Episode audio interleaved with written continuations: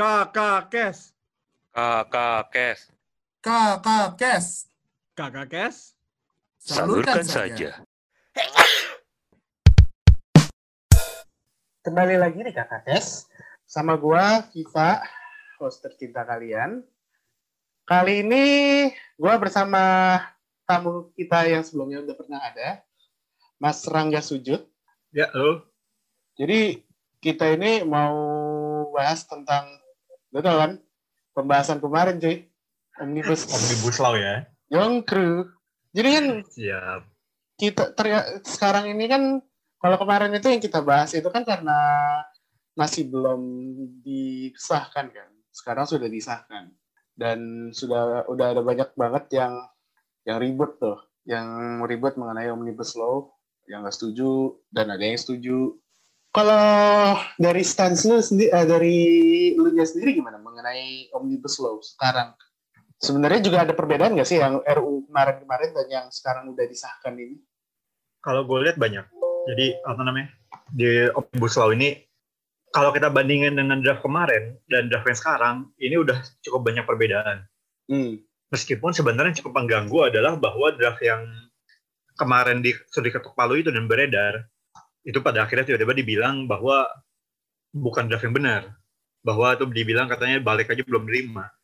Hmm. itu tuh apa ya omnibus law ini berantakan banget sih berantakan banget di mana yang kalau kita lihat tuh mulai dari proses tiba-tiba aja disahin mendadak gak jelas Hmm. terus tiba-tiba udah disahin di- dibilang kayak oh ini kita belum terima draftnya Hmm. terus tiba-tiba udah ada pelurusan hoax yang kayak ya lu bahkan kalau draftnya aja belum ada lu gimana caranya mau ngelurusin hoax aja Iya. kayak berantakan banget omnibus law ini Tapi parah menurut lo sendiri itu gimana? Kalau kan banyak nih eh, opini-opini yang beredar yang kontroversi banget kan tuh mengenai omnibus law.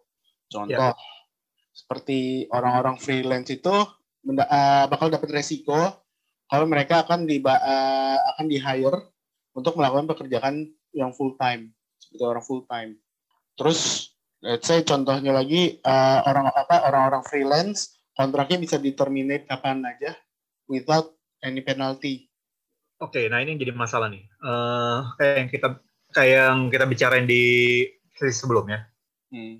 Jadi banyak banget eh, hoax-hoax tuh yang kayak ini nih kayak soal bisa diterminate kapan aja. itu tuh gak benar.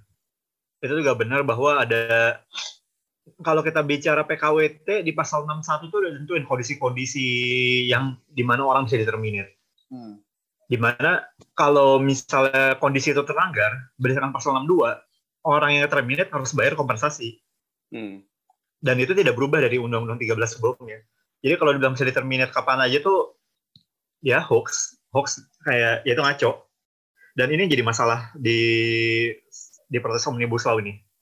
Hmm. jadi kalau stance gue gimana? Stance gue gue juga gak setuju. Gue apa ya ya sebagai lawyer ya gue udah ketika gue ngeliat gak perlu ada perubahan hukum yang ngapain hukum diubah? Hmm. kayak undang-undang 13 untuk gue tuh udah oke. Udah cu apa namanya kasih jadi gini. Eh memang undang-undang 13 tuh sangat kalau kita bicara di dua sisi ya undang-undang 13 tuh sangat pro ke sisi buruh sebenarnya. Tapi saat ini tuh sebenarnya antara buruh dan pengusaha kalau gue lihat tuh udah ada satu equilibrium sendiri equilibrium yang yang jadinya dengan ada omnibus law ini jadi pecah ja- lagi jadi rusak lagi Hmm. yang di mana apakah ini buruk atau baik ya kita perlu waktu untuk lihatnya. Jadi kalau di sini sih gue melihatnya kayak gue gak setuju. Tapi orang-orang yang yang kalau gue lihat ya di sosial media itu yang pada gak setuju tuh juga yang juga ngaco juga, malah juga protes mereka juga lebih ngaco. Yang di mana mereka kayak yang pernah gue bilang, "Eh, kalau misalnya lu ngeributin hal yang kayak tadi, yang soal wah ini kalau freelance jadi katanya full time bisa dipecat kapan aja gitu-gitu. Selain buang-buang energi lo, Mhm. seperti yang gue bilang di thread gue di Twitter, itu juga menurunin kredibilitas gerakan lo. Guys, jangan lupa ya, follow ntar. Rangga, Rangga apa namanya Twitter lu? Rangga Widikda. Rangga, Rangga Widikda, kalau saya lu mau lihat thread mengenai Omnibus Law. Itu menarik tuh. Terus, lo, eh, gue juga bisa dengar katanya outsource itu, kan katanya sekarang kalau dulu itu kan Nah, tunggu. Dari hoax-nya sendiri aja awalnya, outsource itu dihilangkan katanya. Udah nggak ada lagi. Jadi kontrak seumur Hmm. hidup kan. Nah, sekarang kalau outsource itu semuanya udah jadi semua orang apa semua pekerjaan udah bisa di outsource. Menurut lu itu sebenarnya bahaya nggak sih? Kayak lu bayangin deh, misalnya lawyer tiba-tiba bisa kena outsource. Menurut gue sih enggak, karena gue ngelihatnya ini tergantung dengan kebutuhan pasar. Eh sebenarnya kalau kita bicara sekarang pun yang namanya outsource itu juga banyak gini. Outsource atau enggak itu kan sebenarnya tergantung pada kebutuhan perusahaan. Hmm. pada kebutuhan perusahaan dan di mana itu juga ada kesepakatan dengan pekerja. Nah, eh, untuk posisi-posisi yang butuh trust, butuh trust dalam arti lu butuh kepercayaan dari orang yang melaksanakannya. Hmm. Eh, bisa jadi itu outsource itu gak bakal bekerja. Contoh lawyer. Lu kalau lawyer itu kan dipergunakan untuk ngelihat risiko hukum, ngelihat anali- analisa pasal, Hmm. yang di mana kalau lu perusahaan berani untuk outsource lawyernya, ya sorry to say, lawyer mana sih yang bakal beneran apa namanya, eh, bisa aja ada sih, tapi itu justru risiko tinggi banget bagi perusahaan untuk menyerahkan analisa risiko ke orang yang mereka outsource. Hmm. Orang-orang di outsource ini kan ikatan dengan perusahaan itu kan lemah. Arguably lemah ya dibanding karyawan internal ya. Ya lu misalnya lagi di outsource ke PT, ya lu misalnya anggap aja lu outsource dari PT A, di outsource ke PT B. PTB minta lu analisa risiko hukum bla bla bla mengenai ini. Ya, sejauh apa sih yang akan lu lakuin? Ya lu juga mikir, ah gue udah outsource PTB juga cuma cuma setahun. Hmm. Kalaupun kalaupun misalnya apa namanya eh, analisa risiko gue salah, ya ya udah apa namanya ujung-ujungnya juga pas nanti ada kasus belum tentu juga gue nanti masih di PTB misalnya. Hmm.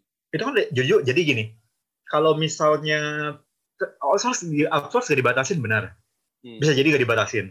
Tapi kalau misalnya perusahaan berani outsource posisi-posisi yang core, posisi-posisi yang vital, yang justru bisa terancam bahaya perusahaannya sendiri. Ketika pekerja outsource hilang, dalam arti dipindah ke perusahaan, ke perusahaan lain, lagi misalnya kayak perusahaan A mengoutsource yang tadi di PTB ke PTC, ya bisa jadi apa namanya eh, masalah-masalah apa namanya re- analisa-analisa risiko hukum dari dari lawyer yang di PTB PTB tadi ya akan pada jangka panjang ngebuat PTB ini ambruk. Tiba-tiba kena risiko ini lah kena risiko ini karena lawyer-lawyer mereka outsource. Hmm. contoh. Atau juga misalnya kayak apa namanya eh, anggap aja lu outsource posisi yang vital juga kayak auditor atau akuntan Ah. yang internal auditor yang di mana internal audit ini lo lo percayakan dengan data-data perusahaan lo ya memang sih ada NDA dan sebagainya tapi apa namanya eh, lo pasti punya kayak semacam kode etik menjadi kerahasiaan Hmm. tapi tadi kalau lo kayak untuk eh, compliance internal audit kayak gitu-gitu posisi-posisi vital ini lo outsource menurut gue sih itu bakal bahaya banget buat perusahaannya Hmm. jadi namanya posisi semua bisa di outsource benar tapi ujung-ujungnya ketika perusahaan berani mengoutsource posisi-posisi yang vital posisi-posisi yang butuh trust butuh kepercayaan ya menurut gue cuma tinggal tunggu waktu perusahaan itu kolaps sih Hmm. Terus, oke, pertanyaan berikutnya, UMP, UMK, UMSP, katanya dihapus di omnibus yang baru. Itu gini itu hoax lagi yang di mana ini yang bikin capek nih kadang-kadang liatnya kayak Hmm. kayak dari sisi yang anti on- kontra omnibus law ya misalnya SJW SJW itu lah kalau kita pakai bahasa yang apa namanya eh, podcast kita sebelumnya Social Justice Warrior. social justice warrior mereka gini itu udah jelas hoax dan jatuhnya itu malah jadi tuh, ya tadi mendelegate membuat mereka, gerakan mereka sendiri berkurang kredibilitas ya. Atau yang ngebuat orang-orang yang kontra dengan omnibus law ini jadi berkurang kredibilitasnya. Itu Hmm. hoax yang benar cuma sektoral. Kalau sektoral itu eh, itu memang saat ini kalau kita lihat di draft terakhir itu gak ada. Hmm. tapi UMP ada UMK bis, dapat ada dapat diadakan ya hoax.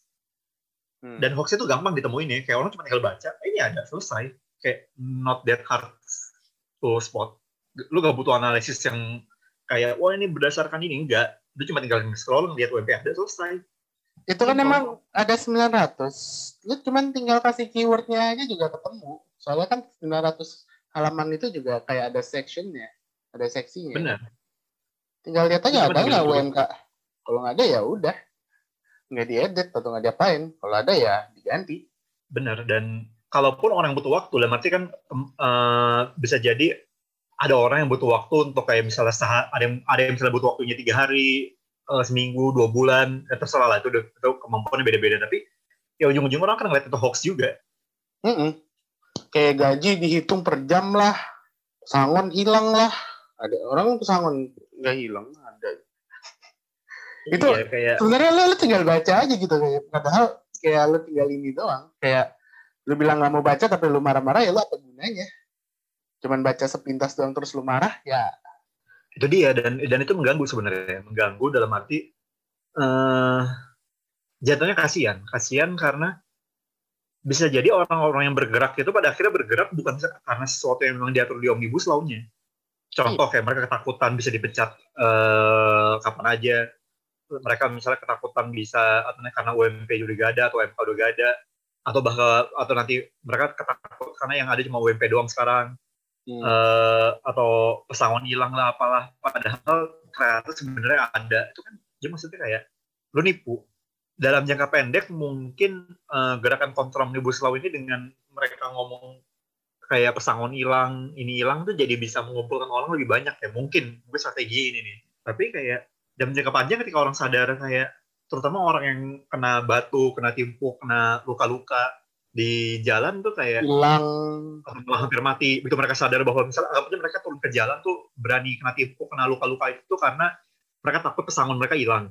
Tapi ketika nanti mereka sadar bahwa pesangon ada tuh ya ya ya feels like shit aja. Ya meskipun pesangon bermasalah ya, to be fair ya. Hmm. To be fair, to be fair pasal mengenai pesangon bermasalah memang benar. Tapi ketika tapi tapi tadi poinnya ketika mereka tahu bahwa yang mereka pikir berbahaya ternyata gak ternyata salah, ternyata yang mereka takutin itu gak ada di omnibus law-nya, ya, ya kesia-siaan gitu. Lain halnya kalau mereka bergerak dengan keyakinan itu beda. Dalam arti kalau mereka bergerak mereka tahu tadi kayak eh, pesangon dari paling banyak jadi paling eh, sorry pesangon itu yang tadinya paling sedikit jadi paling banyak misalnya ya itu gak masalah Hmm. itu dalam arti ya memang itu sesuatu yang perlu kita respect cuma Hmm. kalau misalnya tadi mereka bergerak karena takut kayak UMP hilang lah eh, ini hilang cuti haid hilang itu kayak ya sorry to say semua luka-luka yang mereka terima tuh jadi kayak mereka jadi mereka kayak itu Sia-sia. cuma dimanipulasi doang kayak lo dikomporin lo marah eh taunya salah gitu kan iya jat- jatuhnya kasihan makanya gue kayak apa namanya eh, sebenarnya kayak kesel ngeliatnya kayak cuy lu apa namanya eh, untuk yang orang-orang yang bikin ini ya untuk orang-orang yang bikin narasi hoax hoax ini lu gak kasihan apa sama orang-orang yang turun ke jalan sama nara- karena narasi yang lu bikin? Iya. padahal dan orang-orang itu percaya sama narasi lu padahal narasi lu tuh salah. Beda loh apa? Beda ketika orang benar-benar turun dengan karena mereka mengerti dengan turun karena mereka percaya sama narasi yang lu bikin padahal narasi lu itu beda. Dan dampak jangka panjang juga pasti beda. Karena dianya sendiri emang udah core beliefnya emang sama sama yang orang pembuat narasinya itu kayak UMP kalau setahu gue itu UMP dan UMK katanya itu benar ya UMK itu yang yang benar adalah harus lebih tinggi dari UMP kalau dari pasal ya pasal 100 ya iya benar. Kalau UMK harus lebih tinggi dari UMP 156 kan kalau salah ya? Iya.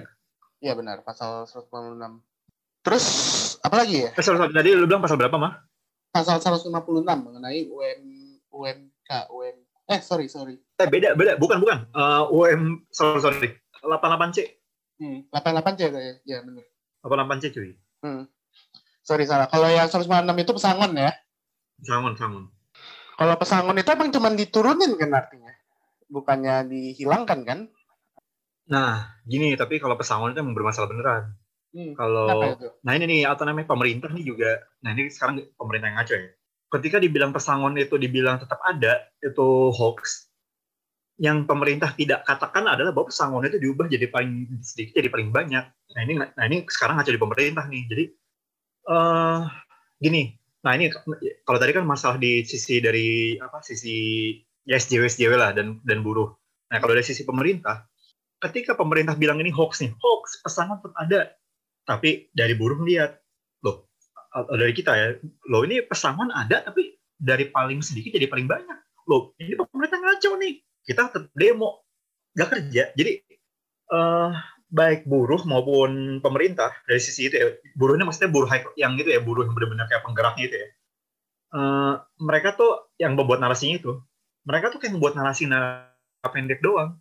Yang Hmm. dari sisi apa namanya dari sisi SJW-nya kayak ngebuat narasinya misal kayak pesangon hilang itu. Ini ini apa namanya? Ketika orang-orang sadar loh ini pesangon tetap ada. Jadi ngaco. Tapi dari sisi pemerintah ketika mereka bikin klarifikasi itu mereka juga setengah-setengah juga yang bikin kredibilitas kredibilitas mereka juga jadi Hmm. kena kena hajar juga. Ya kayak yang dibilang nih misalnya kayak pesangon tetap ada padahal pesangon pasalnya bermasalah. Mereka kan orang-orang jadi gitu kayak- jadi kepercayaan ke pemerintah jadi hilang jadi kayak oh jangan dengerin nih pemerintah. Pemerintah cuma ngomong ini doang padahal eh apa namanya pesangon ini beneran bermasalah pasalnya. Dan gini pemerintah kalau pengen klarifikasi itu jangan setengah-setengah. Ketika mereka klarifikasi setengah-setengah ya ujung-ujungnya juga itu cuma kayak itu cuma kayak ngeredam paling cuma kayak sejam dua jam setengah hari sehari. Tapi begitu sadar bahwa nanti yang lihat begitu yang bisa analisis pasal muncul dengan eh, apa namanya narasi bahwa klarifikasi pemerintah ngaco ya ujung-ujungnya nanti dari buruh kerja dan lain gerak lagi Iya ya. Jadi gue juga bingung, mereka tuh baca juga gak sih? Atau sama aja kayak yang satunya lagi nggak baca. bisa jadi ya baliknya aja lu bayangin badan legislatif di DPR aja bilang belum nerima kayak nah itu yang juga ngaco mereka tuh pada nyuruh-nyuruh kayak baca dulu baca dulu sebelum protes tapi mereka sendiri juga nerima aja belum ya gimana ini Baca ternyata. Ya, tapi mungkin nggak semua, mungkin ada yang berapa baca. Cuman masalahnya kalau lu udah ngerasa baca, lu seharusnya ngomong juga jelas dong gimana ininya kan permasalahannya.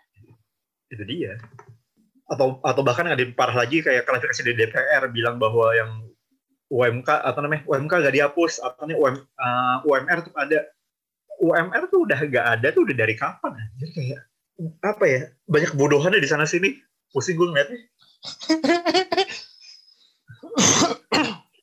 Jadi emang sebenarnya emang dari dua pihak dulu harusnya ngebaca gimana, terus menganalisisnya gimana, dan membuat konklusi apakah lu setuju atau enggak. Sebenarnya emang kalau kenapa omnibus itu kalau misalnya dibilang penting pun emang karena penting. Kita banyak hutang, Iya nggak sih?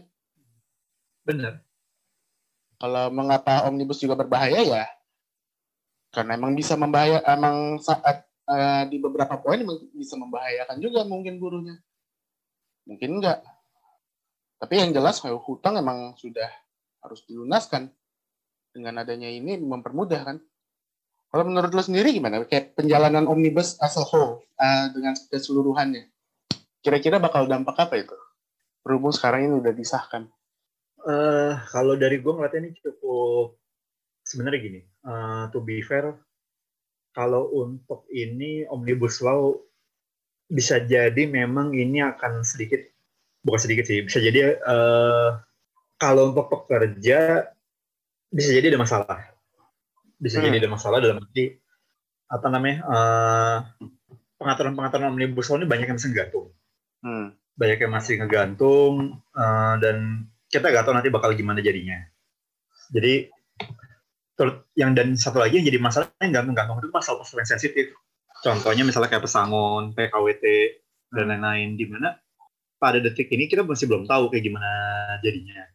Dan kalau misalnya kita dari intensi pemerintah untuk mempermudah investasi, ya bisa jadi arah pengaturan lebih lanjutnya belum sangat kecil kemungkinan itu akan berpihak kepada buruh atau pekerja. Jadi kalau dari gue ngeliatnya eh, dengan pemerin apa ya pemerintah ngehold ngehold hold itu tuh kayak apa bilang di diatur sama peraturan pemerintah diatur sama peraturan pemerintah itu sebenarnya kayak cuma nunda ini nunda nunda api kebakar doang. Dan kayak jadi dan memperpanjang api kebakar. Contoh di sana kan udah ya ada yang udah literally kebakar. Kayak pas umum gitu benar-benar udah literally kebakar. Karena demo. Iya, nah nanti ketika muncul PP PP yang lain-lain lagi yang ternyata juga merugikan buruh, ya bakal ada rusuh lagi dan jadi kayak gak kelar-kelar rusuhnya. Bukan kelar, bukan gak kelar-kelar sih, bakal panjang banget ini. Tapi kalau dibilang apakah ini bisa jadi menguntungkan, tapi gini, apakah ini bisa jadi bermanfaat? Bisa, tapi bermanfaat untuk pihak mana dulu? Hmm. Ya bagaimana juga kan kayak gini, uh, gue gak mau terlalu ngedemonize pengusaha juga karena yang, yang namanya pengusaha juga pasti punya kesulitan sendiri. Kesulitan sendiri dalam arti, Hmm. uh, terutama kalau kita bicara UMKM ya. Kalau kita lihat di UMKM ini kan kayak di tengah-tengah pandemi ini kan salah satu, ini salah satu gue setuju ya. Di tengah-tengah pandemi ini kan memang ketika banyak pemecatan di mana-mana, salah satu yang bisa dilakukan oleh masyarakat untuk bertahan hidup adalah mereka mau bikin usaha sendiri. Hmm.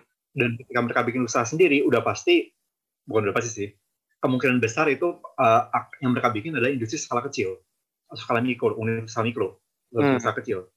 Yang Iya. di mana uh, omnibus law ini memang cukup membantu unit usaha kecil ini. Contoh, misalnya di Undang-Undang PT uh, yang namanya unit usaha menengah usaha kecil ini nih bisa dibentuk atau usaha mikro itu bisa dibentuk dengan uh, sendirian doang.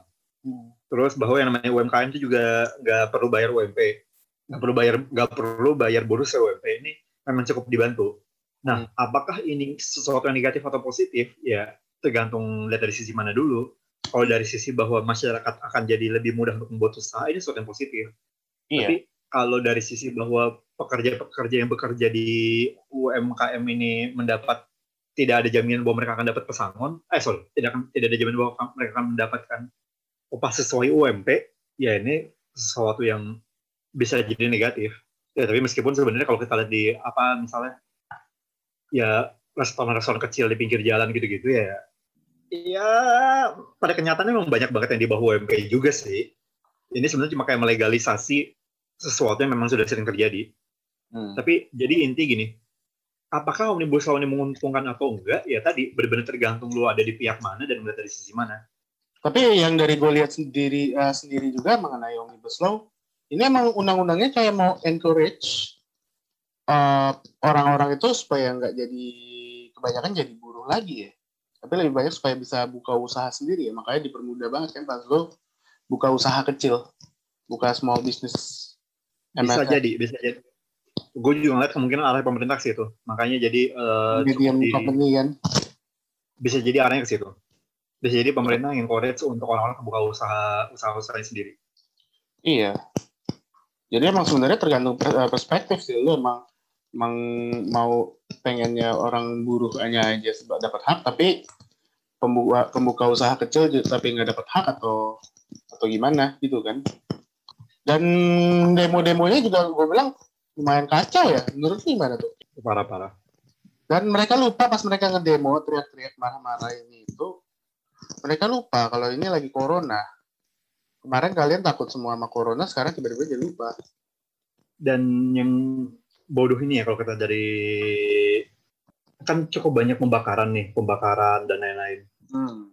Kayak banyak orang-orang kalau di sosial media ini terutama dari sisi SJW ya, yang justru mencoba untuk eh, melegitimasi pembakaran tersebut. Hmm, kayak gimana tuh? ya kayak yang bilang bahwa eh, wah pembakaran ini tuh karena sesuatu yang sangat wajar demo misalnya bahwa eh, ya lu mikir demo itu bakal apa misalnya goyang poco-poco semacamnya. Ya jelas lah apa kalau bakal rusuh. Yang di mana apa namanya kayak lu pada eh, ngeributin halte padahal hutan udah lama kebakar. Eh, lu pada diem aja misalnya. Itu tuh akhirnya mereka tuh jadi kayak ngalihin apa ya ngalihin perdebatannya dari omnibus law yang tadi orang tuh pada berdebatnya soal nanti omnibus law begini omnibus law begitu jadi sekarang debatnya apakah perusahaan fasilitas publik itu adalah sesuatu yang oke atau enggak Tapi hutan sering kebakar sama sama misalnya sama, sama pengusaha gitu banyak pengusaha. Ya artinya itu mereka cuma buat ngurusin agenda mereka juga dong.